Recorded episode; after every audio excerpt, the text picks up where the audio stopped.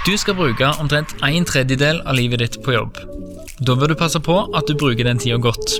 Jeg har fått lov til å invitere noen av de som kan aller mest om folk og jobb, og her skal vi snakke med de om hvorfor de bryr seg så mye om jobbene sine. Så velkommen til Humorkast.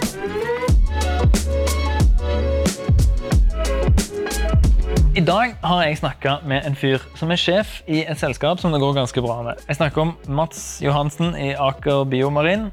Han tok seg tid til å snakke litt med meg i dag om hvorfor han bryr seg så mye om jobben sin, og hvorfor det å være skater egentlig har forberedt han på å være sjef i et børsnotert dressjakkeselskap. Hør på dette her. Jeg har hørt, Mats, at du var skater eh, i gamle dager. Eller fortsatt er skater. Og Altså, For meg er det jo eh, super obvious, men det er ikke sikkert alle lytterne våre ser den der enormt åpenbare koblingen mellom skating og krill.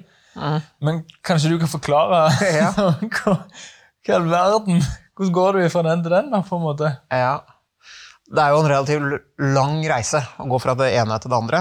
Men, uh, men historien begynte med at jeg oppvokste i en liten by som heter Kragerø. Mm. Som er ja, to, 20 mil sør for Oslo. Der var vi kanskje to-tre stykker som skata, kjørte snowboard. Flytta inn til Oslo for å begynne å studere økonomi. For jeg var flink i matte, så det ble jeg rådgiver av skolen at du skulle begynne å studere til revisor. faktisk. Oh, ja, Dro inn til Oslo for å begynne det. Ja. Og møtte hundrevis av skatere. Ja. Vi kunne skate døgnet rundt. Må formiddag, kveld, hele tiden. Tryvann var åpent til ti hver eneste kveld. Så jeg droppa ut av skolen etter tre til seks måneder så var jeg droppa ut av skolen og bare skata og kjørte snowboard mm. hele tiden. Og det gjorde jeg basically helt frem til jeg ble blakk. Ja. Så jeg levde på studielån hele første året, og egentlig hele andre året også.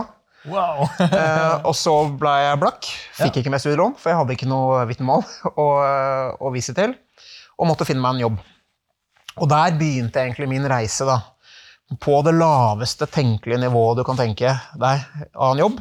Okay og videre derfra. Hva, hva jobb var det? Nei, det var, det var egentlig todelt jobb. Det ene var at jeg satt og pakka konvolutter som skulle til sånne, sånne direct mails som skulle sendes hjem til folk. Som reklame, liksom? Ja. ja. Satt og pakka. Putta, ting, putta en penn oppi en konvolutt sammen med brev. Klistra igjen. Og så var jeg telefonselger. Ja. Så der, der, begynte liksom mitt, uh, min karriere, og så har det vært en lang reise. men og så har jeg tatt med meg alt det fra den skatinga inn i business. Nå som jeg er liksom heldig og er leder, da, jeg kan sette litt med måte, mitt preg på selskapene jeg jobber i. Ja, fortell litt om det. da. Hva er overføringsverdien her ifra liksom, bør, altså, skater, skrubbsår, den delen, og børsnotert selskap andre enden? Ja, så jeg tror for eksempel, da, det med risikohåndtering tror jeg ingen som er bedre i verden enn skatere. Og snowboardere, for den saks skyld. Mm. Fordi at For det første så lærer du gjennom skating at den eneste måten du har progresjon på, er å prøve ting du ikke kan. Ja. Skal du bli en bedre skater, må du gjøre ting du ikke mestrer. Mm. Og så er det kroppen din du bruker som innsatsfaktor. Ikke, ja. ikke andres penger. eller noe. Det er, din, det er liksom din egen helse og din egen kropp. Og så du balanserer det ganske perfekt i forhold til det å pushe grensene, men samtidig ikke pushe det så langt at det går gærent.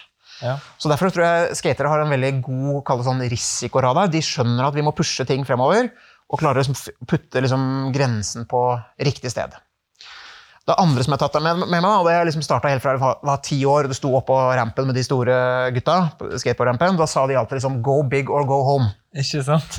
Og det er noe jeg har tatt med meg også, og det, og det er faktisk sant. For uh, uh, i skating og snowboard så er det liksom den største feilen du gjør når du skal ta triks, er ikke ta nok fart. Mm. For Hvis du har for lite fart inn i hoppet eller inn av trikset, så går du på trynet. Og Sånn er det egentlig i business også. Hvis ikke du tar ordentlig nok fart, hvis ikke du går for det du skal gjøre, hvis du tenker nei, vi prøver litt, så ser vi åssen det går, da går du faktisk på trynet. Så du må gå all in. Og det er også noe jeg kan ta med meg fra skatingen inn i business. Du droppa jo skolen for å skate, men nå jobber du i stedet for å skate hele dagen. Ja. Hvorfor jobber du? Ja, Det er et godt spørsmål. altså. Så, og det er, jo, det er, jo, et spørsmål man liksom ikke stiller seg så sjøl ofte, da, for det, det, gjør jo alle. Ja.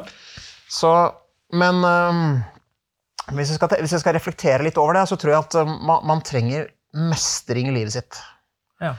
Jeg tror man trenger liksom å bryne seg og, og møte utfordringer og løse og ha drømmer som du kan møte. Og jeg tror egentlig jobben er en perfekt arena for det. Du kan jo få det til på andre måter. Liksom, hvis du er, satser på skating eller toppidrettsutøver eller musiker. eller hva det er. Mm. Men jobben er jo en veldig fin arena hvor folk kan få ha drømmer, Ja. løse problemer, få bryne seg og liksom føle en mestring. Og jeg tror nok det er det som er litt av drivkraften min også. At eh, jeg har drømmer på, på vegne av firmaet som jeg er ansvarlig for, som jeg har lyst til å, til nå. Og jeg får brynt meg på liksom problemer, og den følelsen av å løse et problem er, er egentlig ganske digg. Når en kommer liksom ut av skolen og begynner i en jobb, Mm. så begynner du ofte i en stilling som er Hvis du tenker sånn tradisjonell hierarki, så begynner du lenger, lengst nede. Og så ser du opp på de der folka som er der oppe. Mm. Nå er du der oppe. Um, ifra det perspektivet om den personen som nettopp har kommet ut av skolen, så ser det ut som at de folka der oppe de har skikkelig peiling på det som de holder på med. Mm. De vet alltid hva de skal gjøre. Mm. De er aldri usikre. De har full kontroll på jobben sin. Sånn. Mm. Kan du, som nå har den posisjonen Kan du gi en liten altså, kan du, Hvordan er det der? Ja, det, er- det er for det er det første er- sant? Eh, Nei. Nei. For det første så er det ganske ensomt. Mm.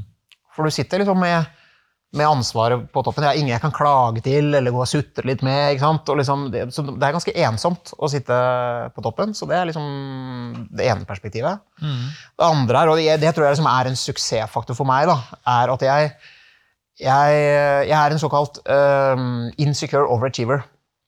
Ja. Så, så jeg, jeg tenker ofte når skal jeg bli busta? Når skal de finne ut ja, at jeg ikke vet hva jeg driver med? Tatt, liksom? Ja, ikke sant? Mm. Men det er samtidig det som er min drivkraft på at ikke jeg blir arrogant og lat i den rollen jeg har, på å pushe meg selv frem hele tiden, på å liksom bli bedre og bedre og bedre. Mm. Eh, og så er det, er det den 80-20-regelen som gjelder litt her, det også. ikke sant? Når du sitter på toppen, så sitter du ikke i detaljene. Nei. Du får liksom de, ikke, kanskje ikke 20% de 5% av informasjonen, som er nok til å gi deg 70% av bildet. Og så sitter du med mange sånne deler, og så kan du sette det sammen til en helhet. Mm. Som gjør at, at, at man faktisk har litt kontroll da, også, Ja. samtidig. Men, men samtidig så er jo, øh, er jo min erkjennelse som du lærer på, på business school også, liksom. Men, men du, jeg tror jeg måtte lære, jeg tror alle også må lære, men det er jo ikke jeg det kommer an på. Nei. Jeg ser jo at min rolle er jo å få flinke folk i riktig posisjon til å gjøre en god jobb, og det er det som gjør forskjellen på om vi lykkes eller ikke. Ikke hva jeg gjør. Sant. Men hva er flinke folk, da? Hvem Ja. er de? Ja. ja det, kan, det kan se, på, se på forskjellige måter. Da. Så det ene handler om kompetanse.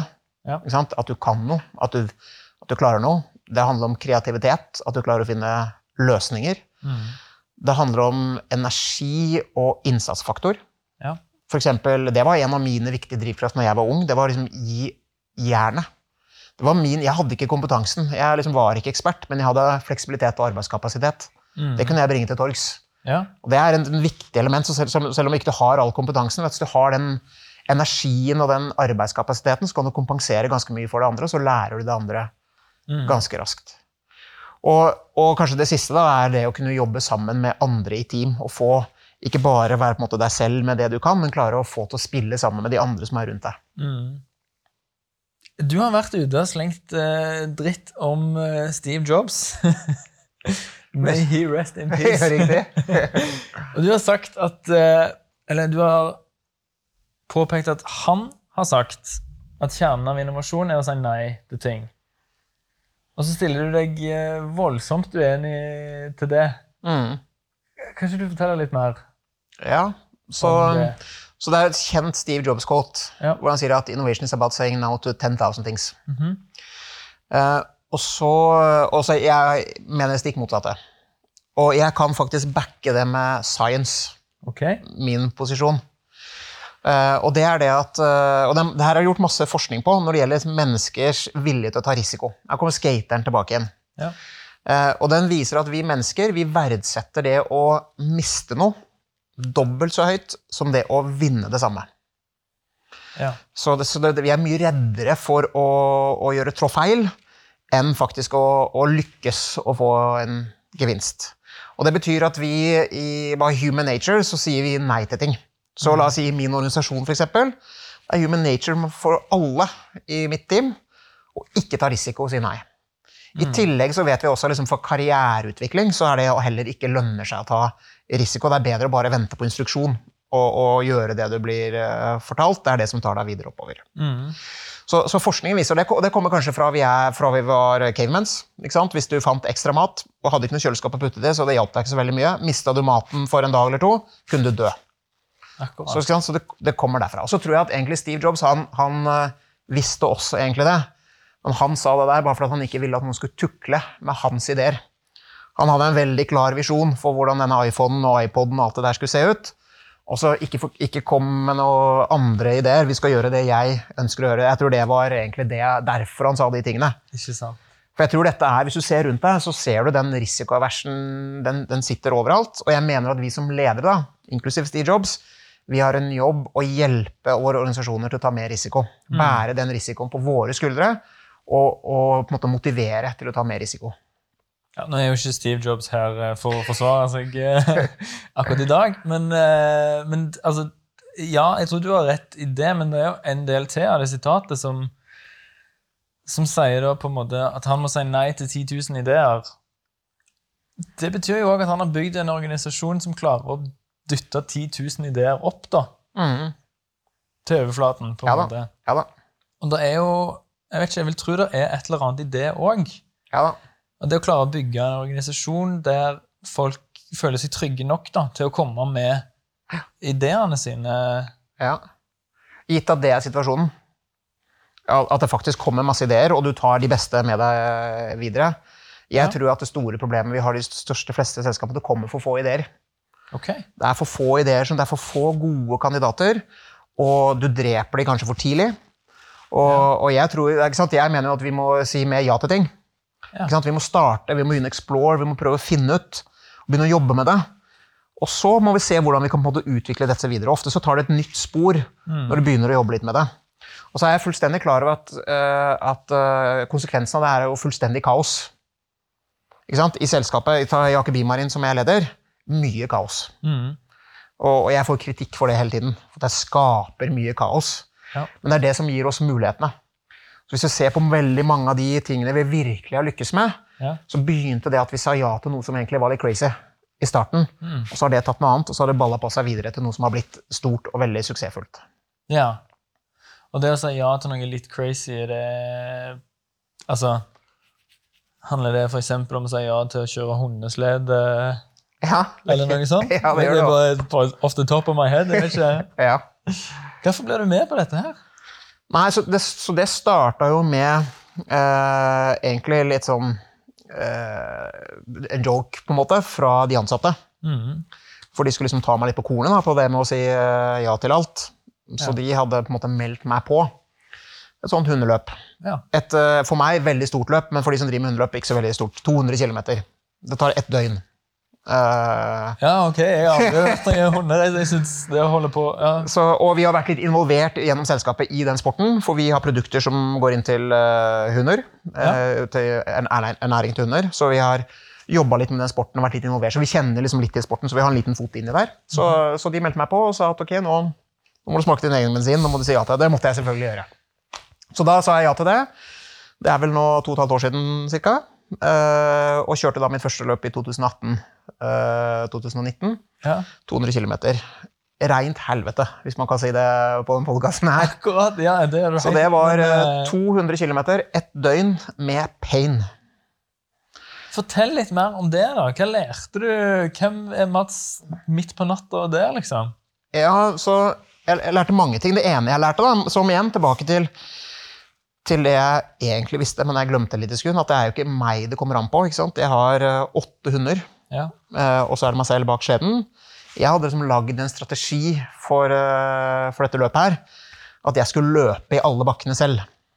For jeg liksom så på konkurrentene her, var det jo mye sånne skaufolk, gamle med dårlig form, som aldri har vært på treningsstudio. eller noen ting. Så her tenker jeg, her kan jeg ta det på kondisen og på formen min. ja. Så, så jeg la opp en strategi at jeg skulle løpe i hver eneste bakke for at uh, hundene skulle få liksom, Pause. pause. Da. Ja. Og, men eh, med det resultatet at etter sånn seks timers tid så var jeg totalt død. Ja. Gjennomsvett. Ja. Og det begynte å bli kaldt og natt. Eh, hadde ikke mer vann. Vann hadde fryset til is. Eh, og, og kroppen, da, når den har en forsvarsmekanisme, når du, når du gjør ting som egentlig ikke den kroppen din vil at du skal gjøre, så begynner den å sende negative tanker til hjernen din. Ja. Du begynner å kjenne, du blir kvalm, og du har vondt, og så videre. Og det hadde jeg hele, gjennom hele den natta. Eh, der, men da lærte jeg at måte, det er ikke meg det kommer an på, det er de hundene det kommer an på. ja. Og når jeg blei sliten og helt ødelagt og fikk masse negative tanker, så vil, utstrålte jeg det til hundene. Okay. For de hører jo ikke så mye på hva jeg sier, egentlig. De bare føler energien min. Ja.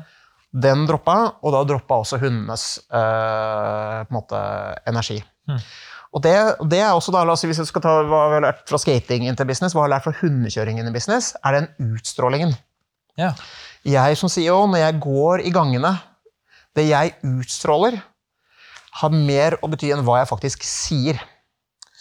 Så vi bare prøver å hoppe glatt forbi at du nå sammenligner resten av kollegene med hunder, men Jeg skjønner det. Men det er det samme, det er bare et, det smilet, og det gjelder ikke bare meg som CEO, det gjelder jo kollegaer også. ikke sant? Ja. Bare møte med et smil, med godt humør, med liksom den positive energien i forhold til det der. Så møter du en kollega eller en sjef som er liksom sånn der negativ og deppa. ikke sant? Det, det smitter over. Men du har jo dårlige dager, du òg. Ja, men nå må jeg være bevisst på det. Og de må jeg prøve å holde for meg sjøl. Så du faker det, da, egentlig? Ja, eller kanskje de dagene jeg, hvis jeg har en dårlig dag, da, så kanskje ikke det er akkurat den dagen jeg skal øh, ta en runde rundt i lokalet og, og, og dele min frustrasjon. Ok. Så, men for å ta hundekjøring så, det, det var øh, et døgn med pain. Ja. Og, og jeg kom i mål og sa jeg skal aldri mer uh, gjøre det her noen gang i hele mitt liv. ja. Og så tok det to uker, så, så var alt det vonde glemt. Og så var det liksom utfordring, og det var veldig fint òg. Det var jo fantastisk natur, i soloppganger, solnedganger osv. Så, så jeg fortsatte med den sporten. Mm. Og har, har steppa det opp. Så i år skal jeg jo kjøre femløpet, som er 650 km. og det er tilbake til det, da, liksom det der med å mestre noe. Det, Ja. å, det å på en måte utfordre seg selv liksom på det mest ekstreme. Og, Ja, eller go big or go home, Ja, som jeg har hørt noen ja, ja, ikke sant? Men liksom, og, og den følelsen, og det, jeg tror det er det som er drivkraften til en skater, er å sette det trikset. Det, er, det er å faktisk klare det. Noe som egentlig er Det er jo ikke farlig. Det er ikke vanskelig. Du må bare vi Silje Aker meg, grind through. Du må bare gnage deg gjennom de fire døgna det tar. Uh, liksom I villmarken, uh, aleine og kald og sulten og tørst og eh, det som er. Med de hundene som du skal ta vare på. Uh, på en god måte. Så det er uh, At anbefale for alle å prøve. Tror du faktisk dette her er, er det for alle, liksom? Ja, jeg tror alle faktisk kan gjøre det. Hm. Det, har, det er bare her. Ja. Bare i hodet. Av og til når jeg snakker med folk som på en måte, på en måte udiskutabelt har oppnådd noen kule greier i eh, karrieren sin, så syns jeg det er så gøy å spørre folk hva er den største tabben du har gjort, Mm. og hva lærte du av den? Mm. Og det er litt fordi at jeg mener vi feirer de tabbene vi gjør, litt for lite. Mm. Jeg syns egentlig at vi, jeg, tror, jeg tror at vi kunne lært utrolig mye mer da, av å være mye mer åpne om hvor ofte vi feiler. Mm. Fordi jeg tror det er veldig mange og jeg merka det sjøl når jeg kom ut fra skolen, at liksom de andre de får bare til alt sammen. Ja. Men så slår det meg jo etter hvert at de lurer på om de får til alt det de gjør fordi de bare gjør de samme tingene om igjen og om igjen. Ja. Eller om liksom Ja. Ja, så Mats, hva er den største tabben du har gjort? Ja. Jeg, jo, jeg har litt annet syn på det også. Jeg har gjort masse tabber opp igjennom. Ja. Men jeg har ikke dvelt så mye med de.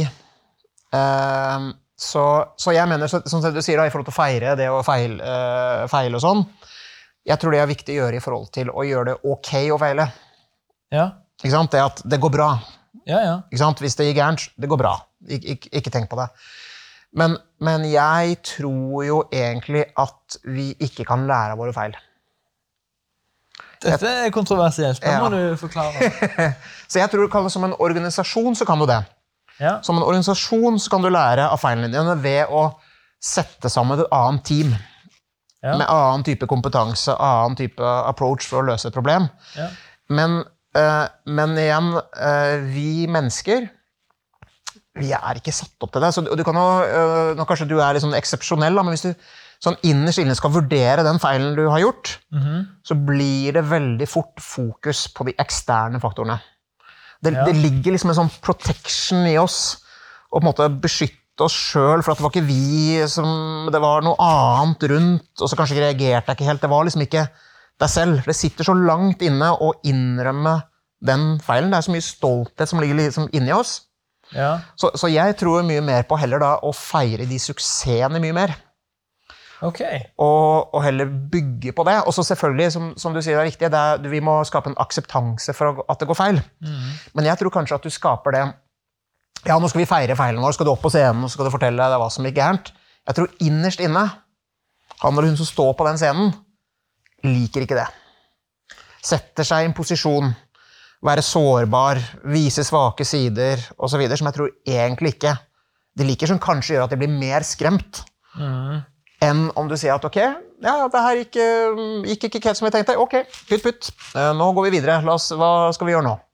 Men hva, er, men hva er erfaring, da, hvis ikke du kan lære av dine feil? på en måte? Hva er poenget med erfaring da?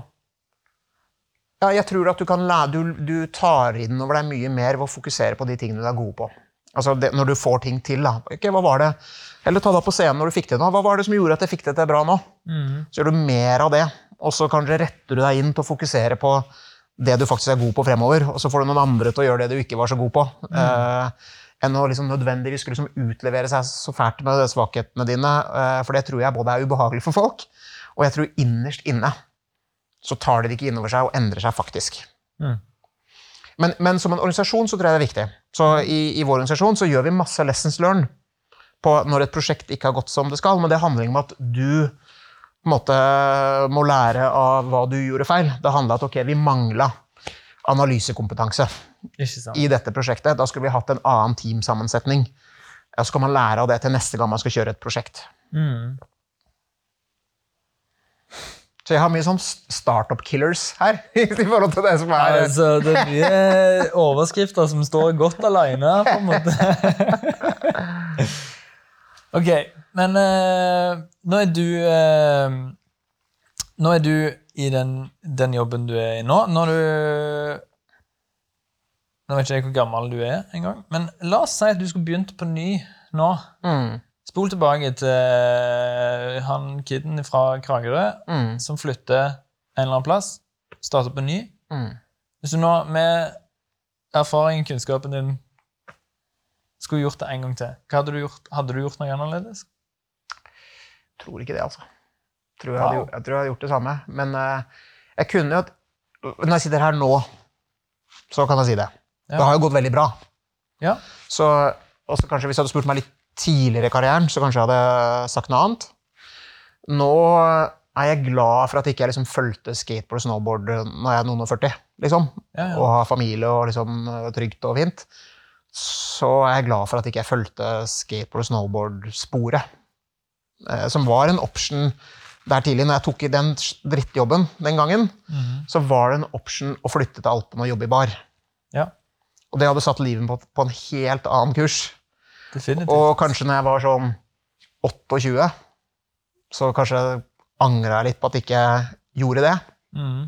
Og fikk levd livet på en helt annen måte. Når jeg satt og jobba fra fem om morgenen til ti om kvelden hver dag og, og trykka på, så, så kunne jeg kanskje angra litt på at øh, Og jeg hadde noen venner som gjorde det, som hadde jo verdens kuleste liv. Ikke sant? Men, men det tar jo slutt. Ja. Den type livsstil på et eller annet tidspunkt. Og da skulle komme tilbake fra Alpene liksom 32 med skrumplever og ingen erfaring og ut, liksom reell kompetanse på noen ting som helst, men har levd skikkelig, Ja. hatt det gøy i ti år, eh, tror, da tror jeg man, jeg hadde angra enormt mye. Så, så jeg, jeg tenker ikke på det. Jeg, jeg har igjen i mi, hele mitt liv sagt ja til ting. Jeg sa ja til den drittjobben. Eh, Min karriere kom i gang fordi jeg sa ja til sjefene som spurte meg om å ta ekstra vakter, hjelpe til på det prosjektet. Da var jeg han fleksible fyren mm. som både ble involvert i mye, og som også da plutselig en gang ble spurt om et, når de plutselig trengte en fyr til et større ansvar. Så var jeg der. Ja. Jeg tok valget og flytta til Tsjekkia eh, med Fortell familien. litt om det, da. Ja, så, så jeg var Så jeg jobba i dette selskapet som het Paintbox uh, den gangen. Eid av de fire største reklamebyråene i Norge. Mm. Som hadde jobber som den, både telefonsalg og pakking av konvolutter uh, i bunn. Men var jo egentlig et ganske kult selskap sånn, i forhold til totaliteten av hva man drev med. Mm. Så, så, så, jeg hadde en veldig reise i det samme selskapet som begynte med å pakke konvolutter og ringe. Og som tok meg hele veien oppover liksom til leder i det selskapet. Og jobba en god del i telco-sektoren. Mm. Uh, blant annet med etablering av Tele2 her i Norge. Ja. Og, og Tele2 var en ganske stor suksess når det kom til Norge, så jeg ble spurt om å holde et foredrag om hva vi hadde gjort. Og var rundt i Europa på eller konferanser og holdt foredrag om hva vi gjorde med Tele2 i Norge. Mm. Og så fikk jeg bare en telefon en dag av en som hadde vært på en av de konferansene som jeg hadde vært og presentert, og spurte om jeg kunne tenke meg å komme til det statlig eide tsjekkiske telekomselskapet, Tsjeske Telekom, mm -hmm og være med der, egentlig i ledelsen, eh, for å kunne snakke med internasjonale telco-aktører, for de skulle privatisere selskapet. altså Staten skulle selge det til en aktør. Kom ned dit, flytta til Tsjekkia. Dette var da i 2004, så det er 13 år siden liksom jernteppet falt. Ja, ja. Så da er de aller færreste i arbeidsstokken i Tsjekkia de har ikke noe annen skolegang enn den kommunistiske skolegangen. Så det å komme da fra Selv om jeg var 27, ja så hadde jeg i hvert fall på en måte, la oss si syv år da, med arbeidserfaring i en ja, ja. reell økonomi. Eh, som gjorde at jeg kunne gjøre det veldig bra der. i de årene. Så jeg blei der i fem år. Flytta ned med familien. Med, hadde en sønn på et år, og kona mi fikk en til der nede. Var der i fem år og hadde en fantastisk utvikling. Hmm. For, eh, og tok en sjanse den gangen og dro ja, ned dit. Så, men da kommer du med din kunnskap. Er det da på en måte Prøver å stille dette spørsmålet uten å være frekk her. Men er du på en måte da stor fisk i en liten putt? Den, I den forstand at du på en måte kommer jo med lite erfaring. Du er jo ikke 30 år gammel engang. Mm. Altså, men så kommer du til en økonomi som så vidt så vidt, så vidt er nyfødt. på en måte. Ja. Så de ga meg jo muligheter i forhold til det her. Ja. Og så var det også, så ble dette selskapet ganske Og dette er liksom tilfeldigheter, men dette selskapet ble ganske raskt solgt. Så fra sta, tsjekkiske starten til et selskap som heter Telefonica, som er den liksom spanske Telenor-varianten vi skal kalle statlig eide tidligere statlig eide spanske selskapet. Så de kjøpte selskapet. Så da, og så kjøpte de et selskap som heter O2, som er i England, som er en av de største mobiloperatørene i England. Så da var Europakontoret i London, og så var verdenskontoret i Spania, og så dreiv vi i Tsjekkia. Mm. Og jeg var nordmann. Så ingen stolte på tsjekkerne. Og det var, Tsjekkia var på den tida gjennomkorrupt. Mm. Så vi, vi hadde en, en, fikk en spansk CEO komme inn og sa ok, nå vil jeg at alle lederne skal komme og presentere alle fakturaer over et visst beløp og forklare hvem er leverandøren, hvorfor kjøper de, og hva er det vi kjøper. 30 forsvant av, liksom, av fakturaene i, i, systemet. Så, så spanjolene stolte ikke på tsjekkerne spanjoler og briter har aldri gått godt overens. Så jeg var liksom den nøytrale som kunne snakke med tsjekkerne, kunne snakke med spanskene med, med Du var Sveits? Ja, jeg var liksom Sveits i, ja, okay. i Tsjekkia. Det, det så det var litt flaks, kan du si, da, at, jeg var nordmann der, som gjorde at alle stolte på meg. Ja. Og det gjorde at jeg fikk igjen mer ansvar enn det egentlig jeg hadde kompetanse og bakgrunn til å kunne ha. Wow. Men det høres ut som du har en slags evne til å putte deg sjøl i begivenhetenes sentrum. da. Du kaller det flaks? Eller, ja, ja, eller return og luck, kan du kalle det. Men det er å si ja til ting. Ja. Det er å si ja. Jeg tror veldig mange tenker nei, flytte til Tsjekkia, ta med familien, var dette kommunistland? Var, ikke sant? Eh, grå blokker og ikke sant? Så, så veldig mange vil tenke de hvorfor ikke først. Jeg tenker jo hvorfor først. Altså, Hva er det som er interessant med det? Og så kan man jo vurdere på en måte risikoen og hva som er liksom, nedsiden med dette. Men det er jo det som har, har fulgt meg da i, i, alle år og gjennom hele karrieren min, også tilbake til Biomarin. Aker Biomarin hadde jo knapt starta. Mm. Uh, når, når, jeg fikk en telefon om dra derfra, da var jeg chief marketing officer i Tsjekkias største selskap. Hadde Tsjekkias største markedsbudsjett. Var helt King Kong. Og skulle dra og begynne dette jeg kaller fiskeselskapet ja. som, å, å, lede et team på tre stykker. Jeg hadde et team på 3000 i, det, i Tsjekkia. Men det var liksom det leap of fate der også. Var, da var det en tid for meg å Skal jeg komme hjem til Norge, så må jeg gjøre det nå. komme inn i systemet til Kjell Inge Røkke, Aker osv. tenkte jeg ok, la oss bare komme meg inn med en fot der. La oss liksom se på muligheten liksom, rundt det. Og det var det som gjorde at jeg sa ja til det, og som har tatt det med meg til hit jeg er nå. Ja, men, hva, okay, men det må være noe du hadde trua på med planen bak Aker Biomarin som gjorde at du Ja, men det jeg vil si, det var nesten på det tidspunktet var nesten umulig å spå hva det skulle bli. Hvis vi ser i forhold til hva vi gjør nå, Ja. og hva vi gjorde. Men det, så det jeg vurderte det på, var at her kommer det Her er Kjell Inge Røkke, som er en av liksom de mest legendariske på måte, bedriftsbyggerne i Norge, sier at dette har han troa på.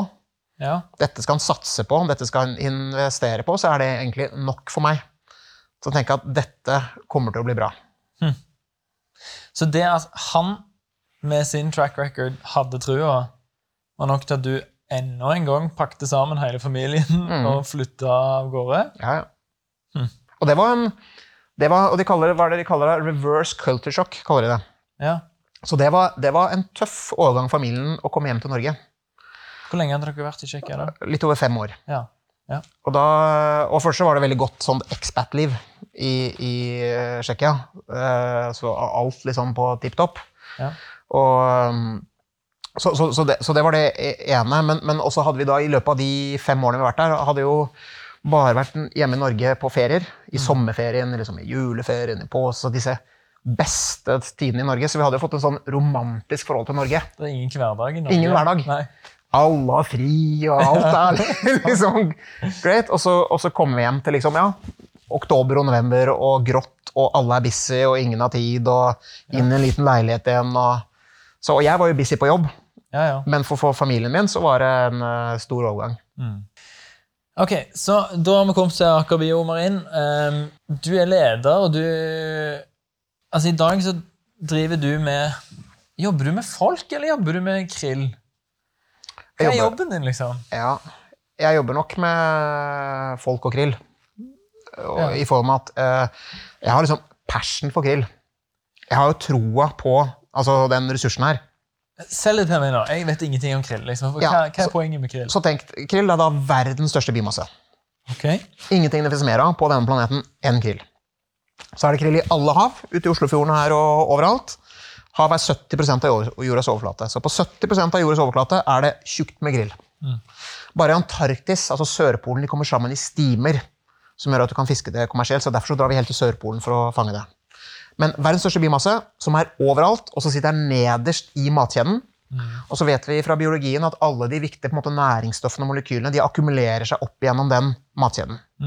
Så da kan du tenke deg at gjennom millioner av år av evolusjon så har næringsstoffene og molekylene krill blitt viktige for alt liv på jorda. Gitt Ja. størrelsen den har i økosystemet, at den er overalt og at den er nederst. Så har du kombinasjonen av verdens største biomasse som er untapped. Ingen har fått det til før oss. Og liksom få tak i den krillen og høste det på en bærekraftig måte. Og her har du sannsynligvis molekyler som er viktige for alt liv på jorden. Og nå har vi bare holdt på i 14 år på, en måte på å forske på disse molekylene. hva Det er, og vi, det er bare en uke siden nå vi kommet ut med liksom en ny breakthrough eh, på en måte forskning. Ikke sant. Fortell bitte litt om det, da. Fordi den sendte deres uh, børsgraf rett i taket den dagen dere kom ut med den. Ja, og det er da at uh, i hjernen din så har du masse DHA, altså en omega-3-fettsyre. som- og den er viktig for strukturen i hjernen din, for danning av nye hjerneceller, og for at uh, hjernen skal kunne kommunisere med de forskjellige delene på en god måte. Så det har man visst det har vært viktig for utviklingen tidlig i liv. Man har sett eksempel med demens og Alzheimer at det er en korrelasjon mellom hvor mye omega-3 du har i hjernen din, og utvikling av Alzheimer-sykdom. Og så har det vært en gåte i alle år, for det har man visst derfor er viktig, men det har vært en gåte hvordan transporterer du dette viktige da, molekylet gjennom det som kalles blod- og hjernebarrieren. Og I 2014 så oppdaga man at det var et molekyl, noe som heter LPC, lysofosatetylkolin, Okay. som transporterer disse viktige fettsyrene mm, fra blodet inn i hjernen. Ja. De molekylene er i krill. Okay. Så vi kan ta de ut, vi kan rense de ut og lage liksom rent dette molekylet for å transportere disse omega-3-ene inn i hjernen, men også potensielt hekte på andre viktige molekyler du ønsker å ha inn i hjernen for å transportere det inn. F.eks. medisiner eller andre ting du ønsker å få inn i hjernen. Så det er da hvis vi er tilbake til den store filosofiske på måte, evolusjonstankegangen rundt her, at det er liksom et eksempel på det viktige molekylet der, for at våre hjerner skal utvikle seg, den finner du i store mengder i krill. Nå, når du beskriver det sånn som dette her, så høres det ut som du står liksom til enten Jeg har to følelser på en gang. Den ene de er litt sånn Dette høres kjempespennende ut. Og så høres det kjempeskummelt ut, for det høres ut som du står liksom på nippet til å holde på å hacke menneskehjernen. Ja, ja, ja. Men altså Så jeg forstår at du er en person som er megamotivert av krill, og planen, med, planen til Aker Biomarin og liksom alt det dere, du ser for deg at dere kan få til. Men det klarer ikke du uten folka dine. Ja. Og det er derfor det egentlig er, Så jeg er passionate rundt grill, men jeg har innsett at det er folka som kommer til å få det til å skje. Ja. Ikke sant? Og det er ofte tak i de beste folkene, det å beholde de beste folket, for at alle skal få ut sitt fulle potensial. Det er det som kommer til å avgjøre. Og hvilke roller vi putter de forskjellige folkene i, det er det som kommer til å avgjøre hvilken grad vi får til det greiene her. ene er jo å komme dit vi har gjort nå, at vi kan lansere, vi har klart å lage dette molekylet, men nå skal vi jo eh, partne opp med farmasøytiske selskaper for å lage medisiner mot Alzheimer og forskjellige typer eh, bruksområder for dette type molekyler, og da er det folka det kommer an på. Og jeg tror at veldig mange ledere, selv toppledere med liksom lang, lang, lang track record, de er for opphengt i seg selv. Mm. Som liksom det viktige for at på måte, selskapet skal lykkes. Det ligger på mine skuldre at dette skal, ikke sant? det er meg det kommer an på. Er ikke det det hele tatt. Så min rolle er jo å fasilitere ja. uh, for at vi har riktige folk. At vi gjør de riktige prioriteringene, at vi har riktig fokus og, og på en måte traction. Men det er jo de andre det kommer an på. I forhold til om vi lykkes med disse tingene eller ikke. Mm. Men hva, hos, Altså Det du sier nå, er jo en fin overskrift. Pass på at du har den rette personen i rett jobb. Ja, Det er ikke lett. Nei, og en ting vi gjør for eksempel, da, på, på mobilen her, så har vi en, en app. En svensk startup Ja. som heter And Frankly. Altså helt ærlig, ikke sant? oversatt til, til Ja. norsk. Hvor vi trekker um, det medarbeidertilfredshet i real time. Ja. Det betyr hver tredje uke. Så hver tredje uke så får jeg automatisk en mail, alle lederne en mail, med temperaturen i organisasjonen. Mm. Og en av de tingene, og det, og det er det sånn tre-fire kjappe spørsmål, tar deg 15 sekunder å svare, bare dra fingeren din liksom på iPhone-skjermen og svare. Og en av de tingene vi, vi spør, er How would you describe your job? Og da kan du dra liksom fra 100 til 0. Is a passion of mine, eller is just a job? Dette er et ekstremt viktig kriterium for, for meg å få folk som har da passion. Og vi har en snittscore på 82, okay. og global average er 17. Ja, det høres sinnssykt høyt ut med 82. Ja. Og det er jo det som er eh, sant, noe av drivkraften og suksessen, at vi har en da, organisasjon som har passion for det de jobber med, og som ikke bare ser det på som en jobb, men de, de tror like mye som meg på eh, mulighetene som ligger her, og digger jobben sin, og er stolt av den, og forteller venner om hva vi driver med, og, og er, det er en viktig del av livet. Men det må jo være folk som jobber hos dere òg, som, som tenker at dette her er bare en jobb. Den gjør jeg for å få råd til å leve det livet jeg egentlig har lyst til å leve resten av dagen. liksom. Ja, men da er nok ikke Aker Bimarin eh, et sted man kommer til å trives. Mm. For at det krever så mye. Så ikke sant, vi har i vår kultur da, så, så har vi liksom ned, vi- kaller det Aker Bimarin heartbeats, som er liksom definisjonen av vår kultur. Ja. Som, liksom, hva kjennetegner oss på vårt beste? Og den sier um, um, have passion and work hard. Ok. Og, og det betyr at det er ikke åtte til fire jobb. Nei. Det er hardt arbeid. Og det orker du bare hvis du har en passion for det du driver med. Mm. Hvis det bare er en jobb, så orker du ikke det kjøret. Som av det kaoset jeg skaper med å si ja til ting. Ikke sant? Av ting som flyr rundt hele tiden, av store drømmer og visjoner vi ønsker å gjøre. Hvis du er bare ute etter liksom, å komme heve i jobb, da er, det, da er det mange andre steder som er bedre å jobbe enn Aker Bymarin. Ok. Så du må bry deg, da, for å overleve. Ja. Ja. Det høres jo ut som en fin tanke eller en stor ansvarsforskrivelse på å liksom, legge opp til en sunn og bærekraftig eh, jobb for de ansatte. da. Det at folk er passion, eller at vi Nei, det det å at at legge opp premisset at liksom, dette her er beinhard jobbing. Ja. Det, det kan være at det er fordi folk har passion, eller så kan det være fordi at en ja, ikke legge opp til liksom, at det skal gå an å leve livet sitt samtidig som en jobber her. da. Det handler om prioriteringer i livet òg. Så du må liksom bestemme deg hva du har lyst til å gjøre. Ja. Uh, og jeg tror at uh, ved å ha passion, da, og være med på å skape noe, ha drømmer om hva du skal gjøre, det tror jeg du får mye mer igjen av. Mm. Men? Jeg, jeg må ha gjort masse prioriteringer i livet mitt, og ting jeg ikke har gjort. Ja. Ikke sant? Med sosialt og venner og, og sånne ting som ikke er tid til. Mm.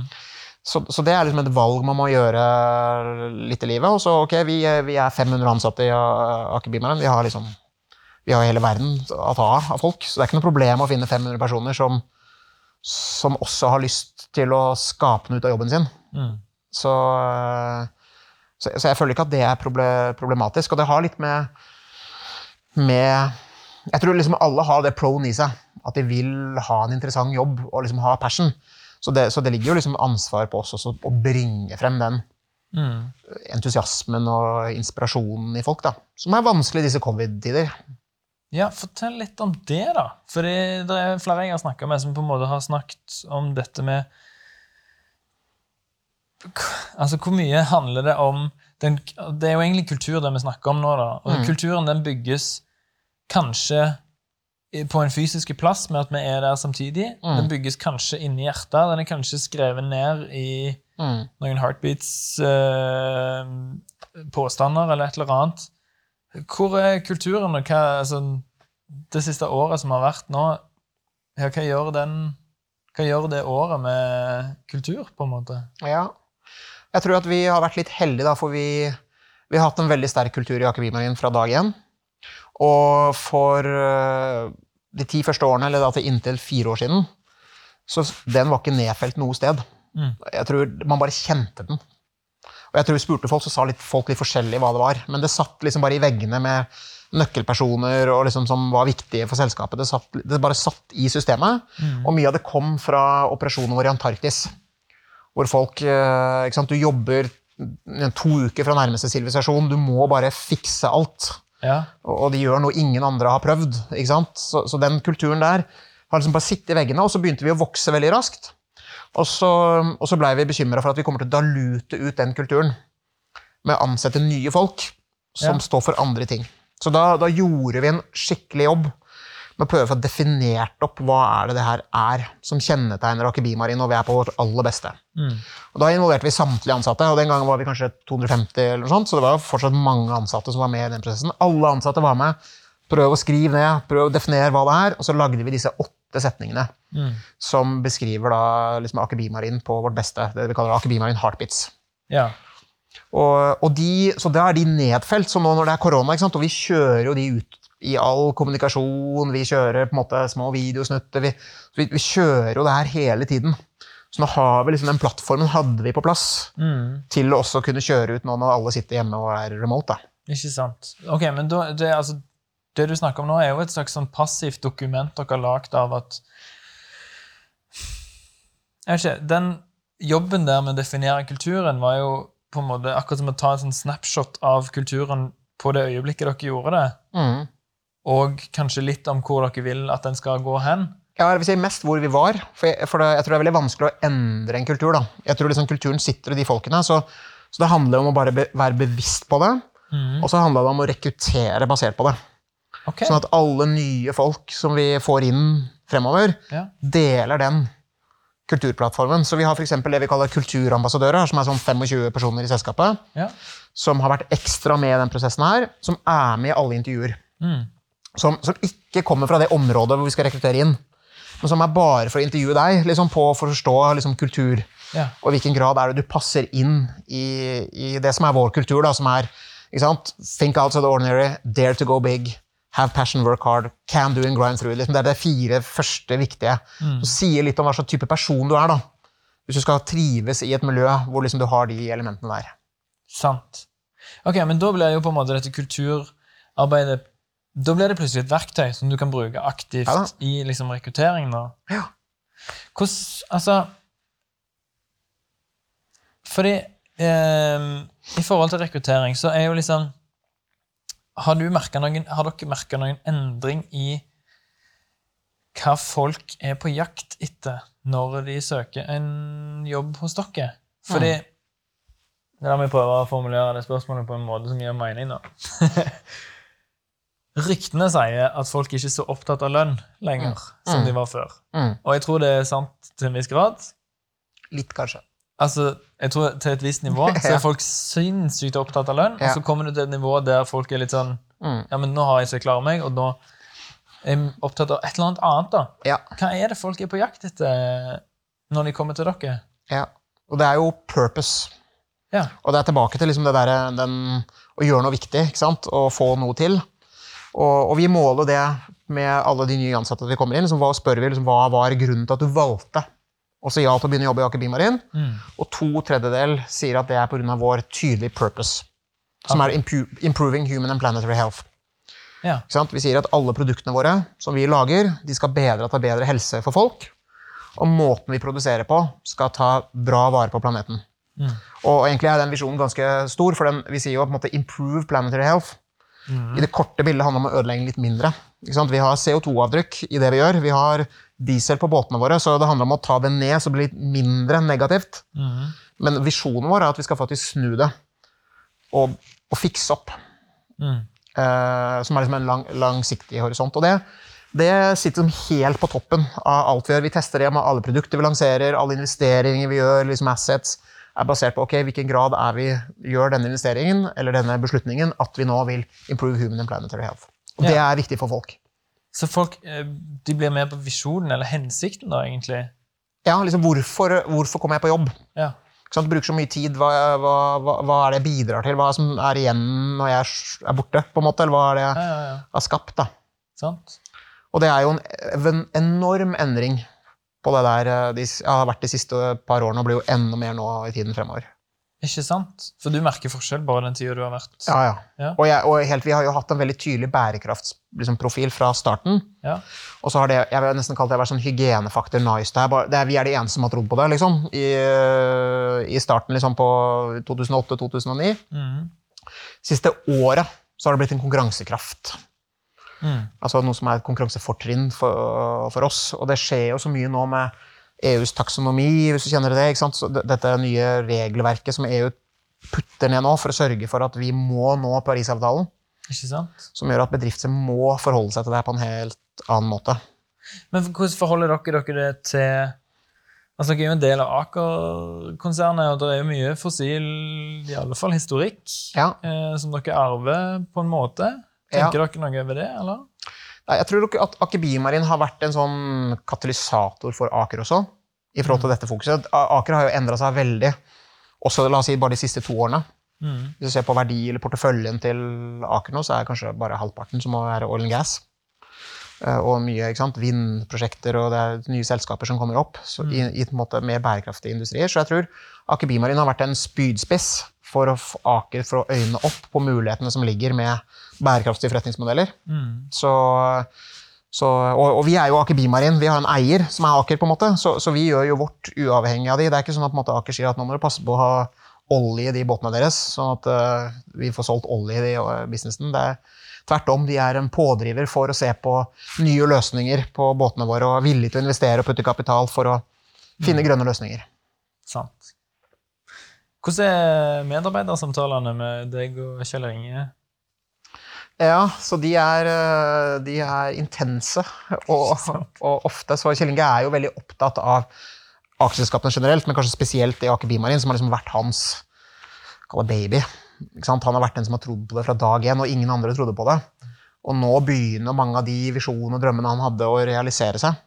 Ja. Så, så jeg snakker veldig ofte med Kjell Inge om ideer og hvordan vi kan ta det til neste nivå. Han er en voldsom måte, pådriver for å liksom ja, si ja til ting. Bare si sånn, og pushe hele tiden eh, fremover og gjøre mer og bedre og større. Kult, altså.